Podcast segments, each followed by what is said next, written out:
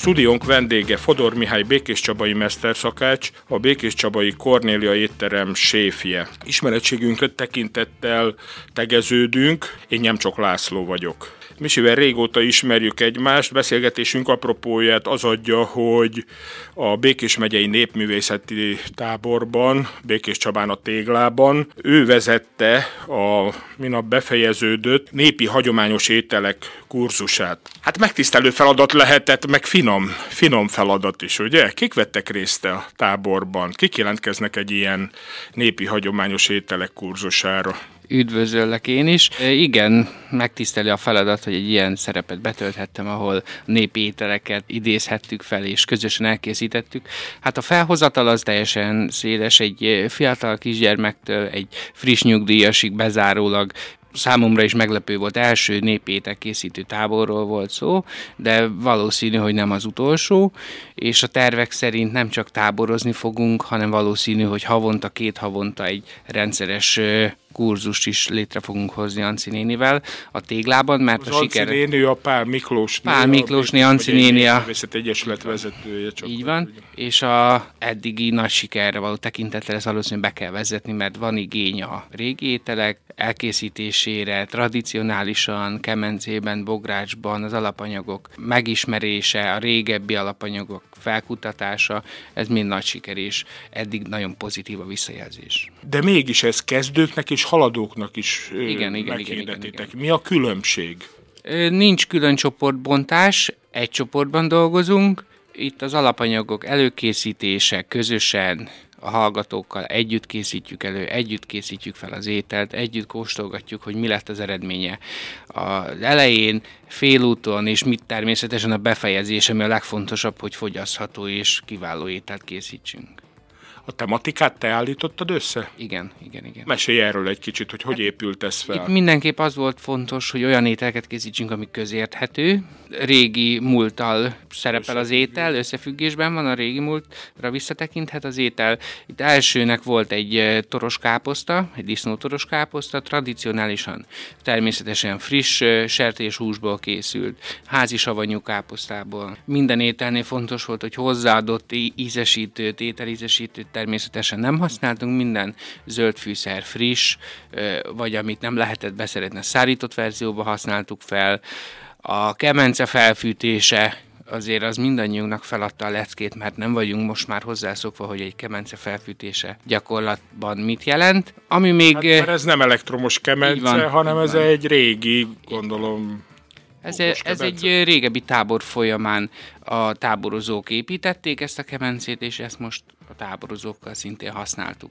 Elsőnek megsütöttük a kenyeret, és utána pedig a cserépedényben, amit szintén a táborban készültek, ebbe a bablevest füstölcsölök. Hát először azt mondtad, a toroskáposzta volt. Első nap volt a toroskáposzta, utána... második nap volt egy zöldséges csorba és egy pacal csorba. Ezek erdélyi ételek elsősorban. Erdélyi, erdélyi, de itt is fontos volt, hogy a népi gasztronómia mennyire szerepel, a zöld fűszerek használata. Itt készítettünk egy vegetáriánus verziót és egy pacallal készült levest is, hogy a hallgatók mindenki tudja fogyasztani, mert azért a pacal az nem egy mindenkinek népszerű étel. Igen, ha már csorbánál tartunk, én mindig kíváncsi vagyok rá, és mindenki máshogy mondja, kíváncsi vagyok a te verziódra, hogy hányféle alapanyag zöldség kell egy csorbához? Te Mennyi hogy készíted? csak fellelhető.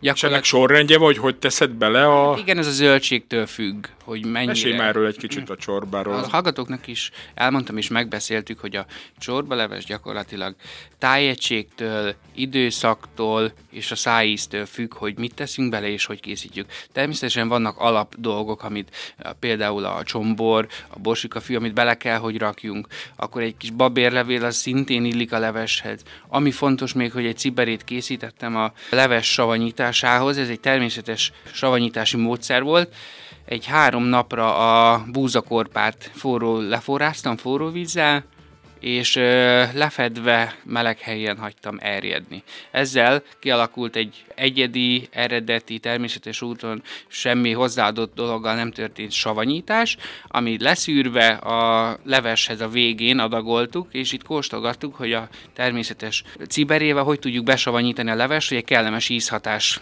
alakuljon ki, és ez sikerült is, és a hallgatókkal végig lépcsőfokonként kóstolgattuk, hogy mennyire van még szükség tenni ebből a úgymond különleges savanyítási eljárásból az ételhez, hogy kialakuljon az a kellemes savanykás, zöldséges, enyhén zöld fűszeres, finom és milyen zöldségeket használtatok? Répa, zöldség, zeller, friss petrezselyem zöld, ami most beszerezhető. Szezonális. Egyébként te mindig odafigyelsz a főzésnél? Igyekszel odafigyelni, hogy a szezonálist használ, és mindig a szezonálist? Igyekszem persze, de a mai világban már a szezonalitás az sajnos idejét, idejét múlta, mert ez a rengeteg behozott importáru, ami érkezik, ez, ez már a szezonalitását elnyomja. De van benne igazság, amit mi vallunk, hogy a magyar, mert nem utaztatott, mert jó klímában, főleg itt Békés Csabán, Békés megyében készült, vagy termelt zöldségek, előállított jószágok ízletesebbek, jobbak? Természetesen, hát főleg számunkra, mert mi ezeket szoktuk meg. Főleg aki régebben a nagymama által készített ételeket is szívesen fogyasztotta, ezek jutnak eszébe róla, és természetesen számunkra ezek a legfinomabbak, amik itt teremnek a környékünkön. És szerencsések vagyunk, mert sok alapanyag megtermelhető zöldségekbe is, és húsfélékbe is. A pacal az egyik legmegosztóbb étel szerintem. Te hogy készíted? Mire kell vigyázni a pacalnál, ha valaki hát akar készíteni. nagyon fontos, hogy biztos helyről szerezzük be, hogy jól előkészített pacalról legyen szó. Utána pedig azért a főzésén is, mert túl is főzhetjük, akkor megszívósodik, akkor olyan lesz, mint egy gumicukor, ami azért nem a legjobb egy pacal esetében. Az ízesítésénél túl nagy dolgok, bajok nincsenek, mert van egy határozott intenzív íze, ezzel könnyű azért dolgozni. Uh, ahogy a zöldséges csorbát készítettük és a pacal csorbát, a zöldséges csorbánál a hallgatók is észrevették, hogy a pacal az egy intenzívebb, könnyebben fűszerezhető, sokkal könnyebben felvette a fűszereket, mint a zöldség. Jó, eljutottunk akkor a füstölt csülkös bablevesig, amit már említettél. Ez volt a harmadik nap tematikája akkor, így ugye? Van, így. Mesélj erről is akkor nékünk. Itt minden étel, minden alapanyagot, minden hallgató külön a cserépedénybe összekészített, a fűszereket, a vöröshagymát, a babérlevelet, a zellert, a zöldségeket, a nagyszemű babot, ami természetesen is eh, házi beszerzés volt, egy házi füstölt. Be kell láztatni egyébként a babot? Egy picit igen. Sokáig nem szoktam, mert akkor kinyílik, meg nincs rá szükség egy nagy beáztatásra.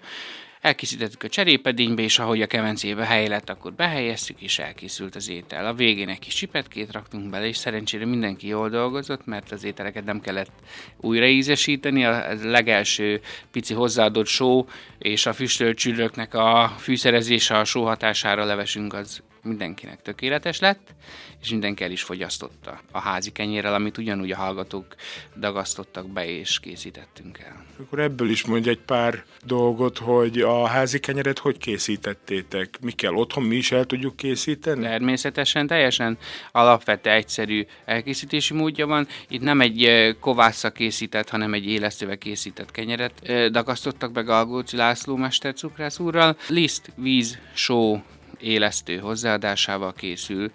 Ami a legfontosabb, hogy a kimért alapanyagok dagasztása után természetesen, hogy a só hozzáadása az a tészta végén kell, hogy hozzákerüljön, mert egyébként az élesztőt visszafogja a só, és utána a tésztát pihentetni, virgolni, formázni, újra pihentetni, sütés előtt vízzel lekenni, esetleg megvágni a cipókat, és utána pedig a sütésre odafigyelni. Hát itt nehéz volt a sorsunk, mert itt a kemence természetesen nem írta ki, hogy hány fokos, hanem meg kellett tippelnünk, hogy megfelelő hőmérséklet van-e bent a kenyérhez, de szerencsénk volt, mert jól sikerültek, a kenyerek megsültek, és utána a bableves is elkészült. Miért jobb kemencébe főzni, sütni, illetve miért jobb cserépedénybe elkészíteni az ételt? Teljesen más íze lesz az ételnek. Együttes erővel, ahogy a cserépedénybe fő, picit a szélesül, a vörös hagyma nem külön van lepárolva egy pörkölt alapnak, és nem úgy helyezzük hozzá a leveshez, hanem minden nyersen, egyszerre, egy picit a széle, mondom meg, elkezd pirulni, elkezd forni a pörzsanyagot a forralás folyamán, beleviszi az ételbe, egy teljesen más ízhatás fog kialakulni, mint ahogy ezt egy fazékban tudnánk főzni. Az utolsó két napon mit készítettetek? Egy halászli, egy körösvölgyi halászli, kárász és pontja fog készülni, bográcsban fatüzeléssel, utolsó nap pedig egy bográcsgulyás. És akkor az ételekkel elégedettek voltak a hallgatók? Igen, igen. Mert hogy te állítottad össze a tematikát, nem így kértek van. valamit, hogy mondjuk az, hogy jövőre is legyen tábor, a és ott mit csináljatok? levest sajnálták, hogy azt nem főztük, az a kemencés program miatt lett kivéve a kiszejlevesen, az egy helyi különlegesség azért itt Békés Csabán. Meséld el már, aki nem tudja esetleg, hogy mi a kiszejleves. Hát ez egy disznótoros eredeti régi tótétel, egy alap órialevesből készített alap, vese, velő, szív, külön megfőzve, darabolva, tisztítva, kis tejfölös rántással, egy kis nyitka mellé, ez kis pirított vékony kenyérszeletek, lilahagymával, zölderős paprikával, a legvégén a levesbe egy kis velőfőzve. Ez egy tartalmas disznótoros savenykás leves. De át fogjuk beszélni még a hallgatókkal, mert utólag még e-mailben a recepteket megbeszélgetjük, és szerintem egy következő program esetében lehet, hogy egy, egy kiszejlevest el fogunk készíteni. Mondtad, hogy korosztályban nagy volt a különbség, de a többség mit mondott, miért jelentkezett erre a kurzusra? Esetleg szakács akar lenni, a családjának akar főzni, kíváncsiságból, Kíváncsiság, igen, szere, szeretik a hasukat, szeretnek enni. Érdekes, hogy kettő hallgató van, aki nemrég végezte el a szakástanfolyamot, és számunkra érdekes volt, hogy főzhetünk közösen olyan ételt, amit ők egyébként szeretnek, de nem biztos, hogy jól főzik, és esetleg ha tanácsot tudnak hozzá szerezni. Egyébként a munka teljesen jó volt velük, mert mindenki nagy szakértelemmel nyúlt az alapanyagokhoz, úgy a vörös hagymadarabolás, úgy a csipetke készítés, és mindenki számára érdekes volt. Nagyon sok gyakorlóházi asszony is benne van a csapatban, akik, akiknek számára nagyon fontos volt, hogy hogy tudja még színesíteni esetleg az otthoni ételkészítést, vagy például sokaknak meglepetés volt, és örültek, hogy megtanulták, hogy ha babérlevelet egy enyhén megpirítjuk, a, akár a zsiradékban, akár egy pici nyílt lángon, akkor sokkal erőteljesebb ízhatást elérhetünk a levesbe főzve, mint hogyha csak beleszórjuk a babérlevelet. Babérlevés azok fűszerek közé tartozik, ami egy picit zsírban oldódik, és a hőhatására aromásabb ízvilágot tud nyújtani. Egy kicsit a tábortól eltekintve távolabb nézve, a mai vendéglátásban, ugye te a Kornélia étterem séfje vagy Békés Csabán, hogy alakul az emberek, járnak étterembe, főleg menüre járnak étterembe, családi rendezvényeket tartanak, mit kérnek, beszélj erről is, hogy alakult a dolog. Hát gondolom itt választóvonal volt a Covid. Igen, a Covid egyébként választóvonal volt, könnyebb volt az életünk a Covid alatt, mert akkor, ha bezártak, akkor tudtuk, hogy be vagyunk zárva, és nincs ö, olyan nagy feladat, mint a mostani válság, a gazdasági válság és a, a hatalmas infláció által okozott baj az nehezebb most, mert mi sem tudjuk pontosan, hogy mikor, mit, mennyiért tudunk vásárolni, nem tudjuk, meddig van vásárlóerő a ételeink iránt, kilátástalanabb a helyzet, mint a vírus alatt. De menüt választják elsősorban az emberek? Igen, talán a menüt, vannak alakartos vendégek, vannak családi események is kevesebb sokkal, kevesebb, és ami még észrevett, hogy a rétegek kialakultak ismét, hogy van, aki nem teheti meg, hogy étterembe járjon, van, aki csak nagyon ritkán, és akkor is megnézi nagyon, hogy mit rendel, és kevesebb az, aki mindent megengedhet a pénztárcájának. Egy kicsit rólad beszélve, te miért lettél szakács? A főzés szeretete. De ezt örökölted otthonról? Valószínűleg vagy? így van. Nagymamámmal, anyukámmal sokat főztem, és ez mindig érdekelt. Más pálya nem is volt a gondolataimban, hogy mit választhatok. És versenyezni is jársz. Erről mesélj már nekünk. Merre jártál, milyen eredményeket értél el? Már szerencsére sok helyen, Luxemburg, Erfurt, Stuttgart, most a legutóbbi versenyt kihagytam a vírus miatt, nem volt elég energia és költségvetés, hogy a versenyen részt vegyek, de a következőt valószínűleg nem fogom kihagyni, ez februárban lesz. Ez azért mind nagy energia és sok pénz kell hozzá, hogy bele tudjak vágni, de azt gondolom, hogy még van bennem annyi, hogy még egy versenyt végigviszek. Eddig egyéniben bronzérmeket értem el, régebben csapatban volt ezüstérem is, de két egyéniben a bronzérem, ami számomra nagyon fontos volt, mert teljesen önállóan tudtam a versenyre kijutni, felkészülni, és hát az eredmény is ezért számomra magasabb, mint hogyha arany lett volna. És a versenyeken mi az? Egy pár dolgot mondja, amit tanultál, merre fele megy a világ gasztronómiai trendje? Egyébként teljesen jó felé megy a különlegességek, a ritkaságok, a, hagyományos dolgok átgondolva észszerűen, nem az újra gondolt, hanem az észszerű átgondolás, ami fontos mostanában. A letisztultság, a egyediség, minden szakásnak, minden séfnek a személyisége, hogy mutatkozik meg az ételben, és ez hogy ötvözi a, az egész összhangot az ételnél, hogy a színek, a formák, az ízek mennyire stabilak és mennyire állják meg a helyüket a mai trendnek. Igyekszünk ezt szerint dolgozni, nehéz azért megfelelni volt egy ilyen mondat, hallottam, hogy a kerektányért felejtsük el. Tehát itt nagyon sokat adnak egy versenyen ugye a tálalásra, díszítésre, megkomponálásra is, jó? Minden szempont fontos, és figyelembe kell venni. Az, hogy a kereket engedjük el, ez nem minden esetben így nem igaz, igaz jó, mert hát például vannak ilyen... olyan ételek, aminél nem tudjuk, meg vannak olyan típusú fajta tányérok, aminél aminél a kerek is ugyanolyan jó lehet, de hát muszáj, hogy olyan újakat lássanak a zsűrik, amit eddig még nem láttak, bár ezt már azért nehéz okozni nekik. Az ételsorokat emlegettük, Békés Csabán, mert nem is egy étterembe vagy te igazából séf, hanem a Kornélia kis testvéreibe is úgymond. Mik a leg, tehát olyan ételek, amit nem lehet egyik héten se kihagyni? Mi az, amit... Igazából... Gondolom, hogy a menüt azért úgy állítjátok össze, amit a a közönség szeret. Így van, hát a népszerűség, meg hát az ár, ami nagyon fontos, hogy beleférjünk és gazdaságosak maradjunk vállalkozói szempontból, és meg hát a vendégeknek is szimpatikus legyen az étel, és betérjenek hozzánk, mert azért tudni kell menni is vendégekről, hogy, hogy ők azt nagyon nézik, hogy mi mennyibe kerül, hol mi a menü, és annak függvényében látogatják az éttermeket. Számunkra az a legjobb, ha minél többen hozzánk jönnek, ehhez olyan népszerű menüt kell, töltött húsokat, giroszt, pörkölt féléket, ami, ami miatt jönnek hozzánk. Ez igyekszünk azért szempontban tartani, hogy ez mind megvalósuljon, van, amikor a főzelékek is népszerűek, ez is időszaktól függ.